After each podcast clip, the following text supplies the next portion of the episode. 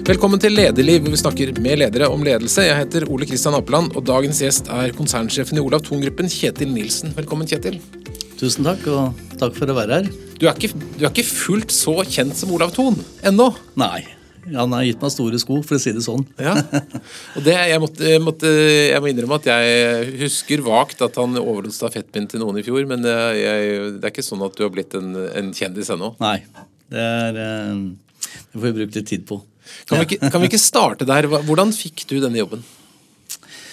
Nei, Det var kanskje først og fremst eh, at jeg gjennom eh, snart 30 år har hatt ulike stillinger i Ola Thon-gruppen og kjenner bredden og, og eh, konsernet veldig godt. Eh, og at jeg har fått jobbe så nært med Olav i mange år og kjenner måten han tenker på og, og hvilken nerve som ligger inne hos oss, hans verdier osv., var nok det som kanskje var litt av hovedbakgrunnen til at jeg Eh, fikk den eh, gleden av å føre hans livsverk videre. Men du var jo ganske ny i, i konsernledelse. Du var vel ikke forberedt på at du skulle overta sjefsrollen? Nei, absolutt ikke. Det, Hvordan skjedde det? ja, det var jo eh, jeg hadde jo nettopp, altså jeg har jo jobbet da i ulike stillinger, som sagt, og jeg hadde vært utbyggingsdirektør i noen år. og Så gikk jeg over i stillingen som konserndirektør i teknisk. Og etter en par måneder i den stillingen så det var vel en marsdag i fjor. Så ringte Olav og lurte på om jeg kunne komme opp til, til hans hjemsted da, for en prat. Det var på kvelden og ettermiddagen. og Der ble da skal vi si, spørsmålet lansert. Så det er klart at det hadde man jo ikke forberedt seg på. Hva tenkte du da? Eh, først og fremst selvfølgelig, det er jo ærefullt. Kjenner Olav veldig godt og de verdiene han står for. Og, eh, så jeg må jo si det var en stor ære å bli spurt. Eh, men selvfølgelig måtte jeg også tenke godt gjennom det. Det, det gjorde jeg. Så det var en prosess som gikk over eh, noen uker. Så, eh, men vi Ja, nå har jeg sittet som konsernsjef i litt over et år, 1. mai i fjor. Så, eh, så jeg har fått føle på oppgaven, da, for å si det mm. sånn. Og Olav Thon sa i forbindelse med skiftet at du var den som lignet mest på ham. på hvilken ja. måte ligner du? Nei, det har kanskje noe med uh, nøkternheten å gjøre. Jeg er jo selv nøktern både privat og på jobb, for å si det sånn. Jeg liker de verdiene Olav har uh, stått inne for. Det er noe som også skal vi si, appellerer til meg selv òg. Så jeg har ikke noe problem med å føre de verdiene videre. Mm. Men føler du en slags forpliktelse til å på en måte være ham? Eh, nei, det, da tror jeg påtar, påtar meg en umulig oppgave. Så jeg må gjøre det med min egen nevri, tror jeg. Men, eh, men alle de verdiene som Olav har lagt til grunn for sin forretningsvirksomhet i så mange år, det er en linje som jeg selv eh, kjenner meg ganske godt i, og som jeg liker å være i, for å si det sånn. Så, det, så sånn sett så er vi jo like. Men eh, det er klart at eh, hvis jeg skal hente samme erfaringen som Olav har, så må jeg få en tre-fire tiår til på meg. ja, For han hadde holdt på med dette siden 1942, da han ja, trakk seg tilbake? Eh, men, men øh, din bakgrunn, altså det er jo ikke den klassiske lederbakgrunnen med, med siviløkonom osv. For du er i utgangspunktet tømrer? Ja, det var min øh, utgangspunkt en gang i tiden. Ja. så kom jeg jo raskt inn i byggeledelse og prosjektledelse og har jo utdannet meg noe etterpå på veien, selvfølgelig. Men jeg kommer fra den biten av, av næringslivet. Det praktiske delen av næringslivet. Ikke den kommersielle bakgrunnen. men Eh, I mange år så har jeg selvfølgelig vært med på en god del av det her, så, eh, så helt eh, blank er man jo ikke. Og Første møte med Ton, det var som sikkerhetsvakt? Ja, altså jeg, jeg, startet Du vet at byggebransjen på, først på 90-tallet gikk jo på en voldsom krasj. eh, og eh, jeg var kanskje 24 år gammel. Da hadde man ikke nok ansiennitet til å beholde en jobb, så det var jo ut og begynne å lete etter jobb, det. Eh, kom etter hvert inn eh, i Ola Thon-gruppen som sikkerhetsvakt i Securitas. ja, Det stemmer, det. Så eh, det var første møte med Ola Thon-gruppen. Og Da var du på Triaden kjøpesenter. Hvordan var det den gangen? Fantastisk. Ja. ja samme, samme, som i dag. Jeg jobbet der, og etter hvert så ble jeg da driftssjef da på Triaden. Jeg jobbet der fram til 2001, så jeg var, så jeg ganske kjent med senter. Mm Men jeg syns det er fantastisk å jobbe på Senter. Det er et arbeidssted med ja, 1000 ansatte. Et helt spesielt samhold. Så tiden på kjøpesenteret syns jeg var en, en flott, flott, tid å se tilbake på. Og så lærte jeg masse, selvfølgelig. Tenkte du noen gang da på at du skulle bli leder? Eh, nei, ikke så til kanskje, men, eh, men eh, Ton han kjøpte dette senteret i 1992 var det vel, og, eh, og bygget det opp over eh, noen år. Og, så det var jo veldig mange prosjekter som han ga meg tilliten på å styre. Så, så etter hvert så eh, ja, I hvert fall da han ringte meg i 2001, så sa han at nå trenger jeg ikke på triaden noe mer, for nå har jeg kjøpt det gamle Rikshospitalet. Eh, så eh, da begynte hovedkontoret som prosjektleder. Det er ikke alle som husker det, men Rikshospitalet var jo midt i sentrum, og så ble det gjort om da til boliger?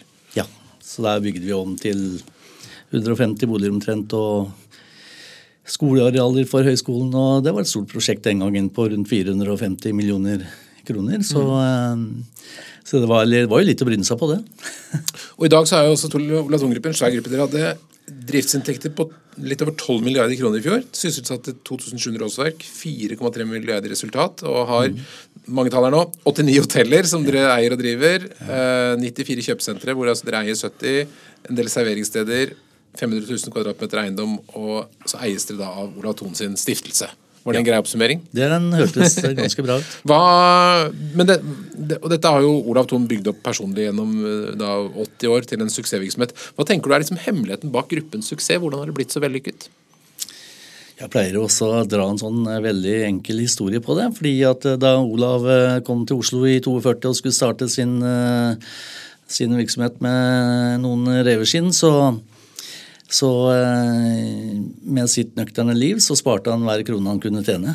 Og etter hvert så fikk han eh, råd til å kjøpe sin første næringseiendom. Eh, og det har han egentlig bare gjentatt og gjentatt og gjentatt helt til i dag. Det har gjort at han har vokst ganske raskt, fordi han aldri tatt ut noe sånn særlig midler til si, privat luksus og den type ting. Han har så har han også det å være skapende i sin hovedvisjon også. Det, det, ligger mye der. Er det slik at dere aldri selger eiendom? Det er veldig sjelden. Mm.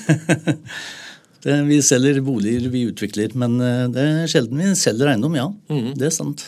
Og så, sa du, så nevnte du da at du skulle ivareta Olav Thons verdisett. Si litt om hvilket, hvilket verdisett er det? Det ligger jo fastsatt uh, litt i stiftelsesformen som vi har, og det er jo å være langsiktig. Eh, vi skal ikke spekulere, tenke langsiktig, ikke sant. Og, eh, og eh, at vi skal, eller vår hovedgeskjeft skal fortsatt være eiendom. Og så ligger det i at vi skal føre verdiene til Ola Thon videre inn i fremtiden, som han selv har lagt til grunn gjennom alle disse årene. Så det, det er egentlig litt av hoved, skal vi si, formålet vårt. Men hvordan vi skal vekse i fremtiden, det må vi jo hele tiden justere. Mm. Mm. Og Stiftelsen er da en slags garanti for at dette blir et selvstendig selskap? Dere blir ikke kjøpt opp eller forsvinner inn i noe? Nei da, det her skal jo være en evighetsmaskin. Mm. Det er det som er eh, tanken bak stiftelsen, og som er eh, Dette skal drives inn i fremtiden til det beste for ansatte og, og samfunnet for øvrig. Ja, For noe av pengene går til gode formål også? Gjør det også. Mm. Så eh, så det, så det er jo regulert inn i stiftelsens vedtekter, som også ligger utover våre nettsider. Så, mm. Um, så, det er en god gave til oss ansatte og, og, til samfunnet for øvrig, når vi kan dele litt av overskuddet også med eh, eller i samfunnet, hovedsakelig medisinske formål, som Olav Thon har eh, foreløpig lagt til grunn i sin eh, kriterier for tildelingen. Mm. Hva vil du si er det viktigste ting du har lært av han opp gjennom de årene du har jobbet sammen? Det er nok eh, å eh, Jeg ville si eh, Det jeg har lært mye av Olav, det er måten han tenker på. Fått lov til å være med og ta del i hvordan vi vurderer eiendommer eller for å ta et eksempel, f.eks. når det kommer en ny boliganalyse, hvordan vi tenker rundt analysene. Eh, hans måte å tenke rundt på eh, det har fascinert meg, og må jeg si kanskje har lært veldig mye av også. Mm. Mm. Og så vet så. jeg at han er jo eh, veldig kunnskapsrik når det gjelder virksomheten. Han kjenner omtrent hver krik og krok og hver leietager og, ja. og stort og smått. Er du, er du, også sånn? På en måte ja. Jeg liker å være eh, detaljert på en sånn måte at jeg holder meg inne med de flesteparten av beslutningene. men men eh, det er jo noen balansegang der så du ikke stopper engasjementet. Så jeg bruker mesteparten av min tilstedeværelse på å prøve å fremme engasjement og kreativitet. Eh, og da liker jeg å være litt ute. Mm. Der, hvor, eh, der hvor det skapes. Man, man, trenger et hovedkontor med gode medarbeidere, og sånn, men det er liksom stedene ute som er eh, hvor det skapes inntekter og, eh, og våre inntekter. Ja. Mm. Mm.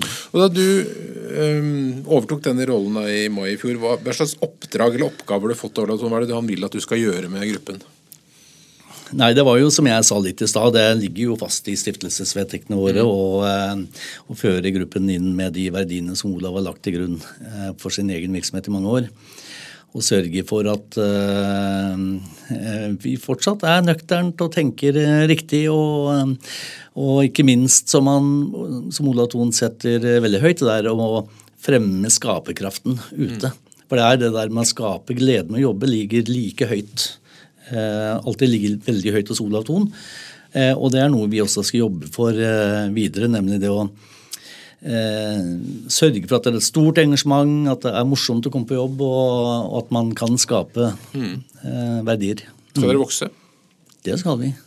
Hvor? Nei, det er jo litt av strategiarbeidet vårt som vi har holdt på, stadig holder på med. Det blir jo litt endringer nå de siste to-tre årene. Det skjer jo brått når plutselig pandemien kom og og, eh, så da må man justere litt, men eh, det er klart vi skal fortsatt vekste både på kjøpesenter og hotell og, mm. og boligeiendom og næringseiendom. Det, det, er det som ligger til grunn, ja. Hvor ser du størst muligheter? Det er nok eh, vi, vi, skal nok vekse litt mer på næringseiendom eh, geografisk sett. Vi er store i Oslo, men eh, trenger nok å befeste oss litt mer i de andre store, større byene. Mm. Eh, vi har store visjoner for hotellene våre. Og, eh, og så ønsker vi å ta et mål også å bli enda større på boligutvikling.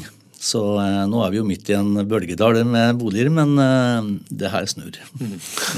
ja, for det er vel noe av det Olav Thon har bevist og lært gjennom alle år, at ting går opp og ned, men ja.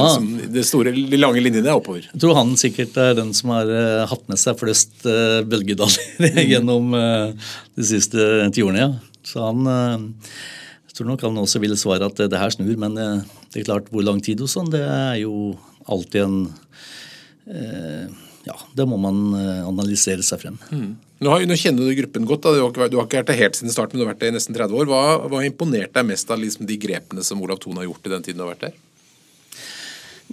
Da Altså jeg har jo da jobbet som sagt med den tekniske biten av Olav Thon-gruppen, og jeg har jo også da hatt ansvaret for alt med drift i Olav Thon-gruppen som driftsdirektør tidligere stilling.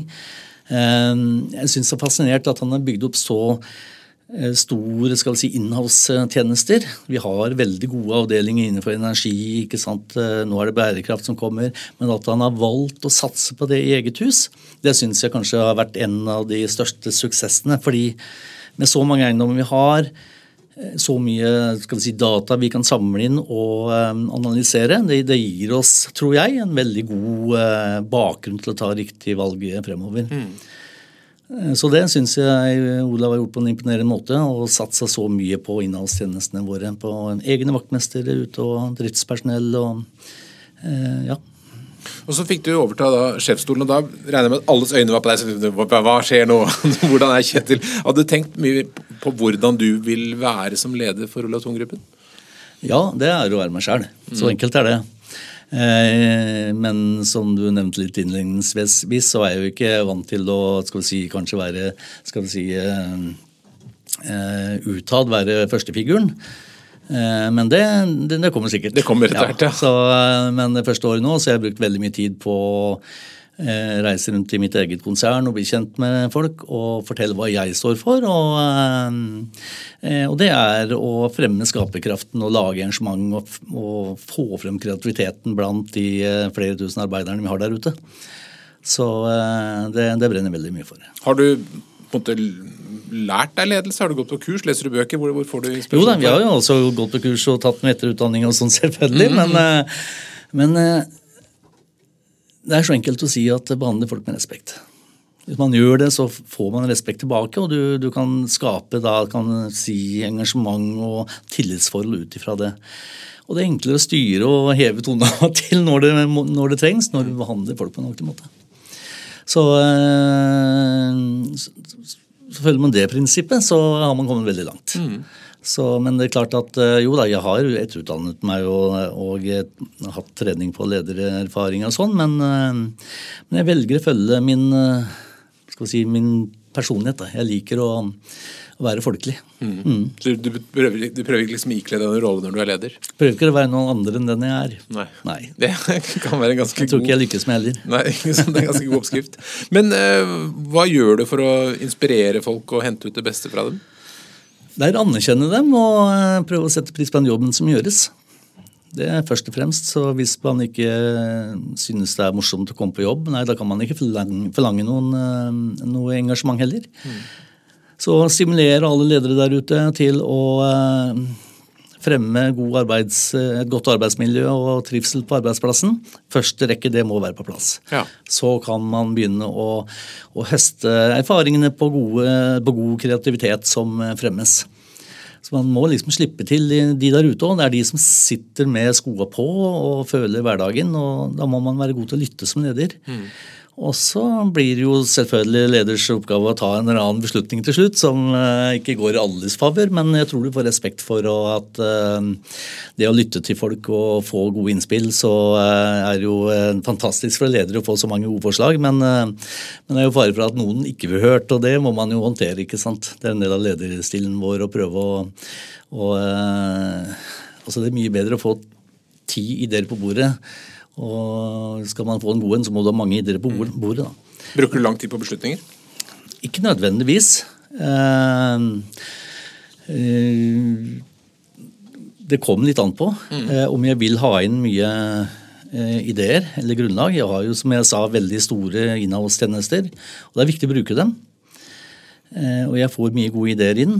Men det er klart når man sitter med flere alternativer, så må man bruke litt tid og, og vurdere dem. Mm. Men uh, jeg kommer jo som sagt fra byggebransjen og har vært prosjektleder for mange store bryggerier, og da kan du ikke nøle for lenge, altså. Noen ganger må man uh, skjære gjennom. Mm. Men er det um, dere, dere, er jo um, en, et stort konsern, samtidig så er det veldig mange små virksomheter. Hvordan, hva er det som skal bestemmes sentralt, og hva er det som skal bestemmes lokalt ute på det enkelte kjøpesenter eller hotell eller eiendom? Vi har jo en spissorganisasjon. Mm. Sånn har vi alltid vært. Hva legger du i det? Nei, At vi har eh, du kan si, mye ansvar på hver, men en veldig spiss uh, organisasjon. Og, og, da blir det jo en del skal si, mye ansvar på, på få, mens andre kanskje har større bredde i organisasjonskartet sitt. Men vi liker at det går den veien der. Så har vi jo selvfølgelig myndighetsgrenser ut ifra det, men jeg tror det fungerer veldig greit. Men Tenker du at veldig mye skal bestemmes lokalt, eller er det mye som tas opp? Ja, Vi kan ikke bestemme alt fra hovedkontoret, for da, da, blir det som jeg sier, at da har ikke det engasjementet lenger. Så, eh, så, vi kan ikke ta alt i hovedkontoret. så Veldig mange av kjøpesentrene og hotellene lever jo sine daglige liv, ikke sant? og så tar man de større tingene opp i organisasjonen. Mm. Mm. Og Når du velger folk som skal være med og lede dette, da, og rundt omkring, hva slags egenskaper er det du verdsetter? Nei, jeg er, eh, Kompetanse er jo alltid der, selvfølgelig. må man jo ha god kompetanse. Men så er jo personlighetene hvordan du er som leder, til å kunne motivere, teamet ditt. Mm. Og lede dem frem til den, de målene vi har satt oss. Det er jo det det går på. Eh, og, så jeg jobber jo en del ned på ledernivå rett og slett for å snakke litt om dette med trivsel og engasjement. At eh, skal dere få den drahjelpa man trenger i hverdagen, så må man altså få fram den, eh, det engasjementet der ute. Mm. Eh, for vi har så mange ansatte, og det, det er viktig å bruke mye tid på det. Eh, og så leier vi inn mange. Vi har mye vektere, vi har mange renholdere, og det gjelder like mye dem, fordi at de skal jo være en del av vårt eh, skal vi si, team. Mm. Så, det, så bruke tid på å få til engasjementet, det, det synes jeg er en av, de viktigste, en av de viktigste oppgavene. Selvfølgelig sammen med kompetanse, som du må eh, velge ut på. Men vi har jo også, jeg må jo si det at vi i Ola Tunggruppen ofte har kompetanse er noe vi kan fylle på I og med at vi har så mye erfaring i bredden inne hos oss, så, så det med kompetanse klarer vi å fylle på ganske mye. Men det er klart at det må jo være noe i, i bunnen å bygge på. selvfølgelig det må det. Er det slik at um altså, Hvordan kommuniserer du med alle sammen? Er du som skriver, skriver mye mailer, eller er det videomøter, eller reiser du rundt? eller Hvordan liker du ja. best å liksom være ute? Du vet at Jeg er ikke så flink på skal si, mine private plattformer eh, når det gjelder Facebook og sånn. Uh, men vi prøver å bruke det internt. Vi har, uh, vi har fått i gang eh, nye plattformer eh, som vi kaller Jammer og Teams osv. Mm. for å gjøre verden vår eh, mindre. Da. Og det, det, er litt viktig, tror jeg, fordi at en driftssjef i Kirkenes og en driftssjef i, på, nede i Stavanger kan faktisk nå kommunisere på en helt annen måte enn tidligere. Og så blir avstanden til hovedkontoret vårt mye mindre. Og vi kan samles på den måten der. Så jeg tror det er et veldig viktig fremtidsverktøy å bruke. Mm. Så vi bruker det en god del for å få til informasjon og, eh, og dele kompetanse med oss. ikke sant? Også, eh, og det blir godt brukt også av, eh, av alle sammen. Mm. Hva gjør du for å sette retning? Er det mye sånn klare tallmål, eller er det historiefortelling, visjoner, verdier? Hva er det du vektlegger? ja, nei, det, det, er klart at vi lever jo av tallresultater, ikke sant. Eh, nå kommer vi jo etter pandemien. Eh, vi har jo klart oss veldig bra gjennom pandemien, og ikke minst kanskje noe siste året etter også eh, tross alt. Men det var ganske tøft når det sto på. Så det har nok tatt veldig mye av tiden vår eh, disse to-tre årene å eh, holde skuta på en noenlunde rett eh, kjøl. Mm. Eh, så strategiarbeidet vårt eh, ble satt litt på vent for å skal vi si, holde kontroll på alle, alle skuter der ute. Mm. Men nå er vi jo litt tilbake for å finpusse fremover og begynne å tallfeste enda mer. Men den, eh, det er ingen tvil om at pandemien har gjort til at vi må eh, endre litt på planene. På hvilken måte? Hva, hva lærte dere av pandemien? Nummer én så er det klart at det skjedde fort. Eh, det å kunne snu seg fort, det, det er viktig. Du snakket litt om å ta hurtige beslutninger. Da må man ta beslutninger. Da kan man ikke vente et halvt år. Så det å ta hurtige beslutninger, og det, det må man Det er viktig når det skjer så brått over bare noen få dager. Men, men nå i etterkant så er det jo, ser vi hvordan det påvirker boligbransjen f.eks. Så man får en stor inflasjon, boligprisene eller entreprenørene og byggekostnaden går jo kraftig opp. Spiser provenyene i boligprosjektene. Mm. Da må man legge det på is. Eh, så man, det er ikke så lett å si hva som skjer tolv måneder frem i tid. Så vi det er stor nok øvelse å se seks måneder frem i mm. tid. Så nå må man jobbe veldig tett på. Så fem-seks år siden så kunne man kanskje lage en strategi som var ganske trygg i tre år frem i tid, men, eh, men eh, nå må man følge med litt i timen fra periode til periode. og den ene dagen så leser man i, eh, i, avisen at eh, en eller annen analytiker sier at nå er rentetoppen snart nådd, og så kommer neste analyse, og det kommer minst tre rentehevinger til. Dette skaper en usikkerhet, ikke sant? også hos oss. Eh, så, og det gjør noe med planene du skal iverksette også, hvordan vi skal prioritere fremover.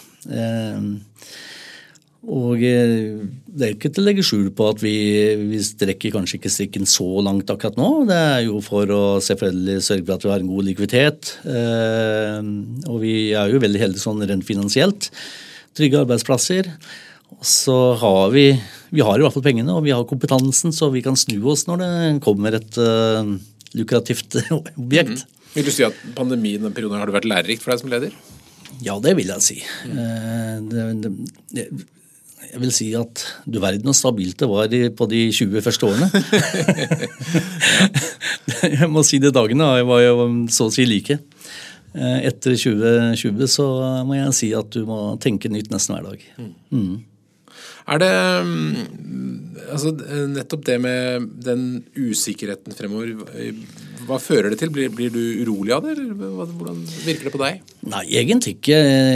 Vi må eh, vi skal jo videre fremover. Hos oss så er det å uh, sørge for at uh, det er business as usual, få ha god utleie og sørge for at hverdagen går som mest, mest, mulig som normalt. Det er jo det viktigste for oss. Så, eh, så sitter vi og gjeter da, du, om det kommer noen godbiter i markedet. Og så får vi slå til hvis vi syns det er bra. Men det her snur igjen, som jeg sa. Det, det vil jo snu. Men det er det å, å prøve å Eh, nå har det vært stigende gilder, ikke sant? Og, eh, så man kan ikke vente for lenge. Det men du forklarer Stigende gilder, tror jeg ikke alle vet hva det betyr. det. Nei, altså Rentene går opp, og da, da synker jo verdien rett og slett på eiendommen. ikke sant? Og, eh, og, det er jo fall i eiendomsverdiene rundt omkring. og Så man skulle kanskje tro at det var lukrativt å kunne kjøpe noe, men så er det det å se hvor langt det eventuelt vil falle når vi snur det. Så vi følger jo litt med i markedet hva som skjer. Mm. Det er vanskelig? Ja, vi følger jo daglig med, og vi har gode folk som jeg sier, som uh, gjør disse analysene på. Men nå, nå er det mange, mange skyer i, på himmelen rundt uh, næringsliv fremover. Altså, vi, varehandel sliter jo mange steder. Dere har jo mange leietagere som, i kjøpesentrene som driver butikker. Ja, Hvordan går det i butikksentrene? Nei, det har gått uh, overraskende bra. Kanskje bedre enn vi fryktet. Så, som nå frem første kvartalet så ligger vel rundt en 5% økning på omsetningen på kjøpesentrene våre. så men det er klart at med de rentehevingene som er kommet, og fortsatt at man varsler uh, mer renteøkningene, så vil vi kanskje se at en, en kurve som flater ut. Men, uh, men, første kvartalet startet overraskende bra. Det gjorde det. Men Ser dere noen store langsiktige trendendringer når det gjelder varehandel? Blir det mindre kjøpesentre, mer nett f.eks.? Ja, det den, men den har vært der noen år allerede. Den var der før pandemien og alt dette startet. Så jeg tror at det vi jobber en, med, det, en del med, det er å, å skal vi si, eh, tenke det fremtidige kjøpesenteret, altså den fremtidige møteplassen. Mm. Butikkmiksen kanskje blir litt annerledes. og eh, eh, så vi må jo også tilpasse oss i tiden, og det ser vi faktisk at de sentrene vi har skal vi si, pusset opp og, og jobbet med, de har som regel også de beste omsetningsøkningene. Mm. Så, uh, men dette er sånn som man kanskje ikke legger merke til, for at mm. endringer skjer gradvis. Men hvis du drar til triaden i dag, da, ja. motsatt i forhold til når, da du trasket rundt her, som Security har sagt, hva er forskjellen? Ja, Vi kan ta triaden, fordi at det er jo nettopp reåpnet. Ja, det er bra. og uh, der har vi bygd ut og Pust opp hele senteret, og det er jo helt, helt annerledes senter i dag enn det var da jeg startet der på 90-tallet. Mm. På hvilken måte? Eh, men det var jo populært og jeg skulle si, tidsriktig den gangen òg, ikke sant? Men, eh, men, går inn på tredje i dag, så er det et helt annet senter. Hvordan da? Både leitagermiksen og eh, interiøret, velværet og opplevelsen med å være på senteret. Eh, nå vil eh, kundene gjerne ha litt mer opplevelser i senteret. Og, eh, og kanskje mer kresen på en del leietagere eller på varemiksen. da. Så eh, eiendomssjefene våre jobber veldig godt med det. Må jo selvfølgelig lytte til bransjen også. Så, eh, så dette er jo en jobb vi gjør sammen med leietakerne våre, hvordan vi skal utvikle oss videre. Eh, ja, netthandelen, den henger jo der, men den har ikke styrket seg noe sånn veldig egentlig de siste tre-fire årene. Så, så vi, den klarer vi fint å leve side side, side, ved side på. Det tror jeg. For det har vært snakk om at, man skulle, at, at kjøpesenter måtte, på en måte måtte vri seg fra bare selge til å være mer et sted man går for hygge og gøye opplevelser. Mm. Er det sånn dere tenker? Det er litt sånn vi tenker. Ja. At uh, kunden bruker en del tid på sentrene. og og da legge inn mer skal vi si, opplevelser, kanskje mer helse. Eh, så, så det blir et, et mer knutepunkt, da, kan man mm. si. Mm. Men siden vi snakker om ledelse, du har jo da mange kjeder eh, som du kjenner til. Eh, hvordan eh, er gode ledere for butikker for at man skal lykkes på et kjøpesenter? Ja, Det er klart det er viktig, men mm. jeg har inntrykk av at de fleste butikkene har, har veldig gode eh, Har veldig høyt fokus på det. For de må jo også tilpasse seg ikke sant? og være attraktive i markedet. og og, eh, så det, det, har jeg inntrykk av at de fleste butikkjedene er veldig, veldig langt fremme på. Mm. Mm. Men Du er ikke bekymret for leietagerne dine nå når folk får litt mindre kjøpekraft? Ja, men Vi skal jo lykkes sammen. ikke sant? Sånn at det er, En ting er våre ansatte som jobber ute, men også våre kunder. Sa vel kanskje ikke det i stad, at det er like viktig at vi får et godt tillit også til våre kunder som er leietager, hotellgjester osv. Skal vi liksom søke suksess. Så så det er jo et produkt vi jobber sammen med hele tiden. Mm. Men sånn veldig grovt forenklet da, så har jo vi ansvaret for å få så mye kunder som mulig til senteret. Og så må jo selvfølgelig butikkene jobbe med å få disse inn, inn i sine butikker. Så, jeg føler vi har veldig godt samarbeid med de aller fleste butikkene på det området der. Det er, det er, men det som kanskje butikkene har hatt utfordring på nå, særlig siste tre årene, er jo selvfølgelig logistikken. ikke sant? Og ikke minst prisstigning og, og de forholdene der. Så, eh, men som jeg sa, så opprettholder vi en god omsetning, så det skal være fullt mulig å og eh, oppnå bra resultater for det. Mm, for I USA også har det vært kjøpesenterdød, men det ser ikke du for deg her? altså? Nei, ikke på samme måten. Det har ikke slått til på samme måten her, her i Europa. Det startet også mye tidligere i USA. Mm. Så vi ser ikke det samme mønsteret her. Hva er forskjellen? Hvorfor, hvorfor vi det er jeg ikke helt sikker på. Eh, der må vi kanskje høre litt mer med de som jobber med analysene våre, som har litt mer detaljerte svar på det. Mm. Men vi er nok ikke helt like kulturelt på det, kanskje. Nei. Dagene dine. Jeg, jeg, har forstått at du er glad i å jobbe. Du jobber ganske mye. Hvordan ser en dag ut? Nei, da står jeg vel opp eh, kvart over fem. Og så, for jeg har jo en times kjøring, så for å slippe kø og unødig tid i, eh, i, køer, så er jeg på jobben sånn ca. klokka sju. Så eh, jeg er som regel da aleine første timen, så jeg kan få forberedt Eh, sette opp prioriteringen, og etter hvert så kommer jo de andre på jobb, og så. Hva er det første du, er det, er det gårsdagens omsetningstall du leser først, eller hva er det du setter høyest? ja, Den kommer hver uke, så jeg følger med på den. Ja. Så den, eh, Vi har jo gode verktøy, så vi kan også se det daglig, men jeg følger med på den en gang i uka. Det er jo fast. Men eh, nei, altså, en del av jobben min er jo å løse problemer. Så det kommer jo inn mange utfordringer som må løses. og så det står en stor del av hverdagen min av å mm. få ting i gang igjen der det stopper. Er det, det kanskje noe av kjernen i lederoppgaven?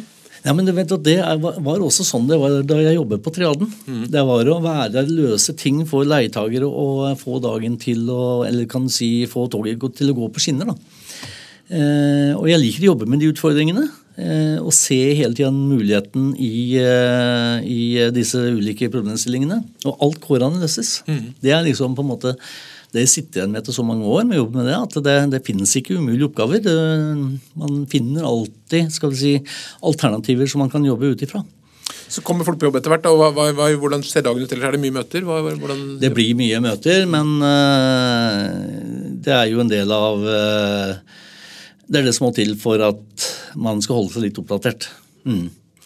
Så eh, Men jeg får litt tid til å gå rundt, og, og noen ganger også komme meg litt ut og, og møte folk ute. Får du ja. bodd på hotell? om, jeg, om jeg bor på hotell? Ja, noen ganger. Får du bodd på Thon-hotellene? Klart. Mm. Selvfølgelig. Både privat og på jobb. Så ja. det fins ikke andre hoteller, vet du. Mm. Men så er du også en familiemann, så du, du, er ikke sånn som blir på kontoret til langt på natt? Nei da. Fem-halv seks så er jeg på tur hjem, og, eh, så da er jeg hjemme rundt seks. Og så eh, syns jeg det er hyggelig å kunne spise en god middag med min kone. Og så eh, ja, så tar hun opp en bok uh, veldig ofte og begynner å lese, men da er PC-en på fanget igjen, og så sitter vi og skravler litt utover kvelden. Så, så, så blir det mange timer. Men Hva tenker du om det? Dette er, dette er jo et sånt tema for, som, for mange, dette balansen mellom jeg, jeg, jeg si, fritid og, og arbeidstid. Så må en leder jobbe veldig mye?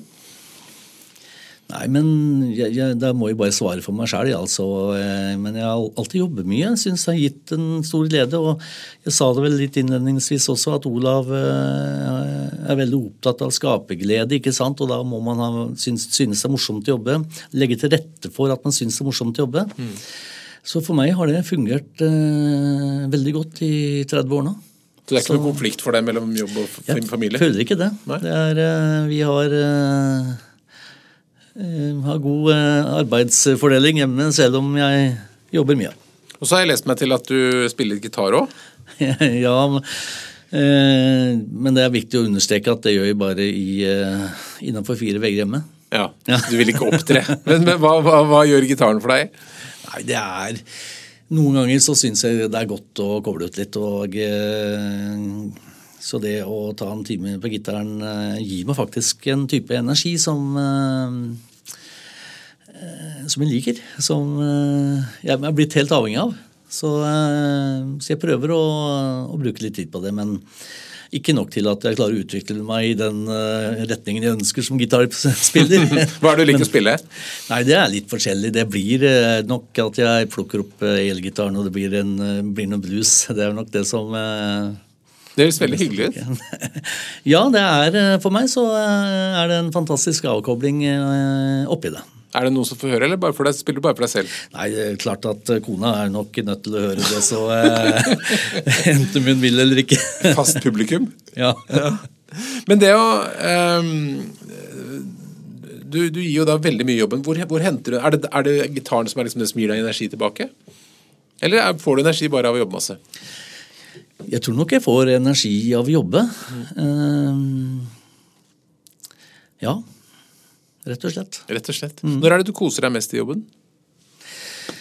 Det er nok når jeg er kanskje ute og eh, får snakket med alle de flotte menneskene som jobber for oss rundt omkring. Mm. Hører litt på hverdagen deres og kanskje bidra med noe. Og se dem og, og fortelle dem egentlig hvor avhengig vi er av dem der ute. Mm. Men du har jo da uh, det er første gang at du er toppleder som du er nå. Er, er det noe som er annerledes enn du hadde tenkt deg? Har det, det, det, har det vært noen overraskelser i å være på toppen av pyramiden? Ja, det er klart at det er jo en del andre mye nye ting, men som jeg sa i stad, så eh, har jeg vært, jobbet så nært med Olav i alle år, og, eh, så jeg har vært med på det aller meste. Men det er klart at det blir jo veldig mye styresaker som mm. i forhold til eh, tidligere. Det blir jo så men det er viktig, det òg. Mm. Mm. Bruker du Olav mye for den som, uh, til å diskutere problemstillinger? Ja, selvfølgelig. Han uh, ringer. Hvis han ikke har vært på kontoret, så ringer vi så å si hver kveld og snakker om enten en analyse vi har sett i Finansavisen eller et eller annet. og jeg spør jo selvfølgelig hva Olav ville gjort også i, i, de situasjonene. Så vi har en veldig god, godt samspill. Det er helt fantastisk. Han blir snart 100 år. Ja, det er det. Men tenk hvor heldig jeg er. At jeg har en sånn kaliber jeg kan eh, støtte meg på. Det er jo mm. helt fantastisk vet du, med en så eh, stor livserfaring og, eh, og bransjeerfaring. Så det han har opparbeidet seg, det er ikke alt man finner. Det tas rett ut av skolebøkene, tror jeg. Mm. Så, så jeg det er vel kanskje særlig langsiktigheten som er helt unik for han? Ja. Han har alltid vært god til å tenke langsiktig og eh, og trygge, trygge, investeringer. Og det er jo også det beste for alle som jobber hos oss, at vi har en sånn type eh, tilnærming til vårt eh, konsern. Mm. Hva er det du grubler mest på i jobben? Hva er det du syns er vanskelig?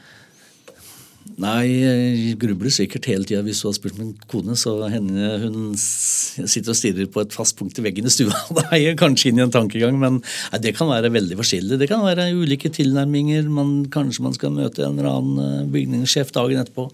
Skal presentere en eller annen idé, og, eh, og den bør ikke nødvendigvis være den samme ideen eller måten som du lykkes med i en annen kommune for en uke siden. så det er mye forberedelser på sånne type ting. Mm. Eh, men jeg liker å jobbe med det òg. ikke sant?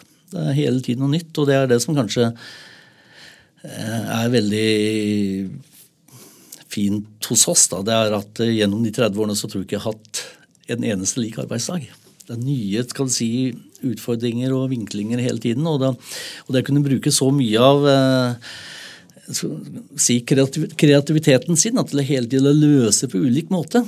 Det, det, det syns jeg er kjempegøy. Mm. Mm. Apropos bygging, så Olav Thon har jo hatt noen utfall mot enkelte kommuner som han mente jobbet mer mot han enn med han på, på utbygging. Føler du at du får god politisk drahjelp for utbyggingsprosjekter? ja, du vet at Det er klart, det er jo et eh, problem med saksbehandlingstid og sånn som eh, mange kommuner har. Det er det. Olav, var jo, Olav Thon har jo da valgt å, å fronte det aktivt. Eh, det ender jeg plukker opp telefonen og brummer litt også, men, men her i Oslo så synes faktisk det har blitt bedre. Eh, de siste årene. Eh, selv om reguleringen tar for lang tid, så synes jeg si, kompetansen på det faglige har blitt mye bedre eh, fordelt. Både mellom politikere og, og de ulike administrasjonene. Mm. Så, så, jeg synes det har vært en positiv retning, men det er klart at eh, saksbehandlingstiden er jo et problem for oss som skal investere. Det går fort fem år. Uh, regulere en tomt, og, uh, og, du ser hvor fort det forandrer seg nå på noen få måneder.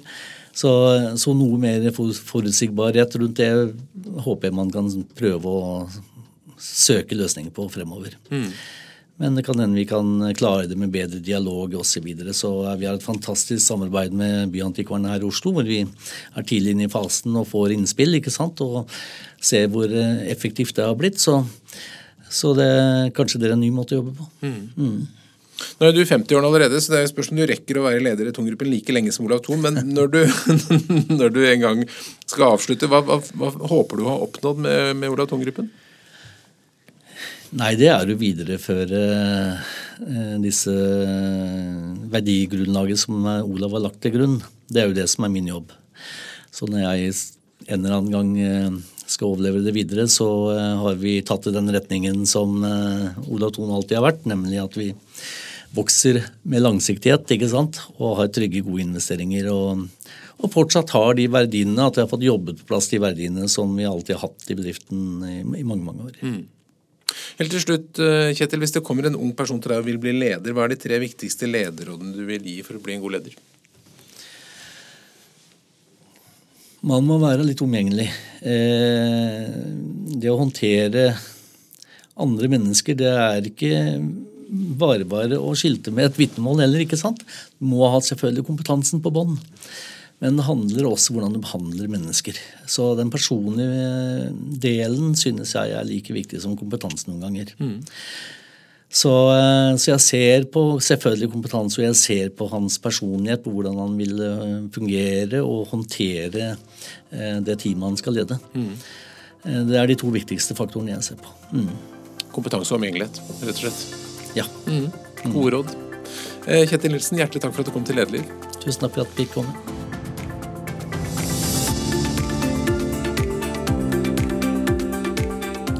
Lederliv er en podkast fra Apeland. Redaksjonen består av Ingrid Hogneland, Johanna Eidsvoll, Lars Jarle Melum og meg som heter Ole Kristian Apeland. Og du er hjertelig velkommen til å sende ros, ris, tips om ledere eller hva du måtte ønske til ole.apeland.no. Takk for at du lytter.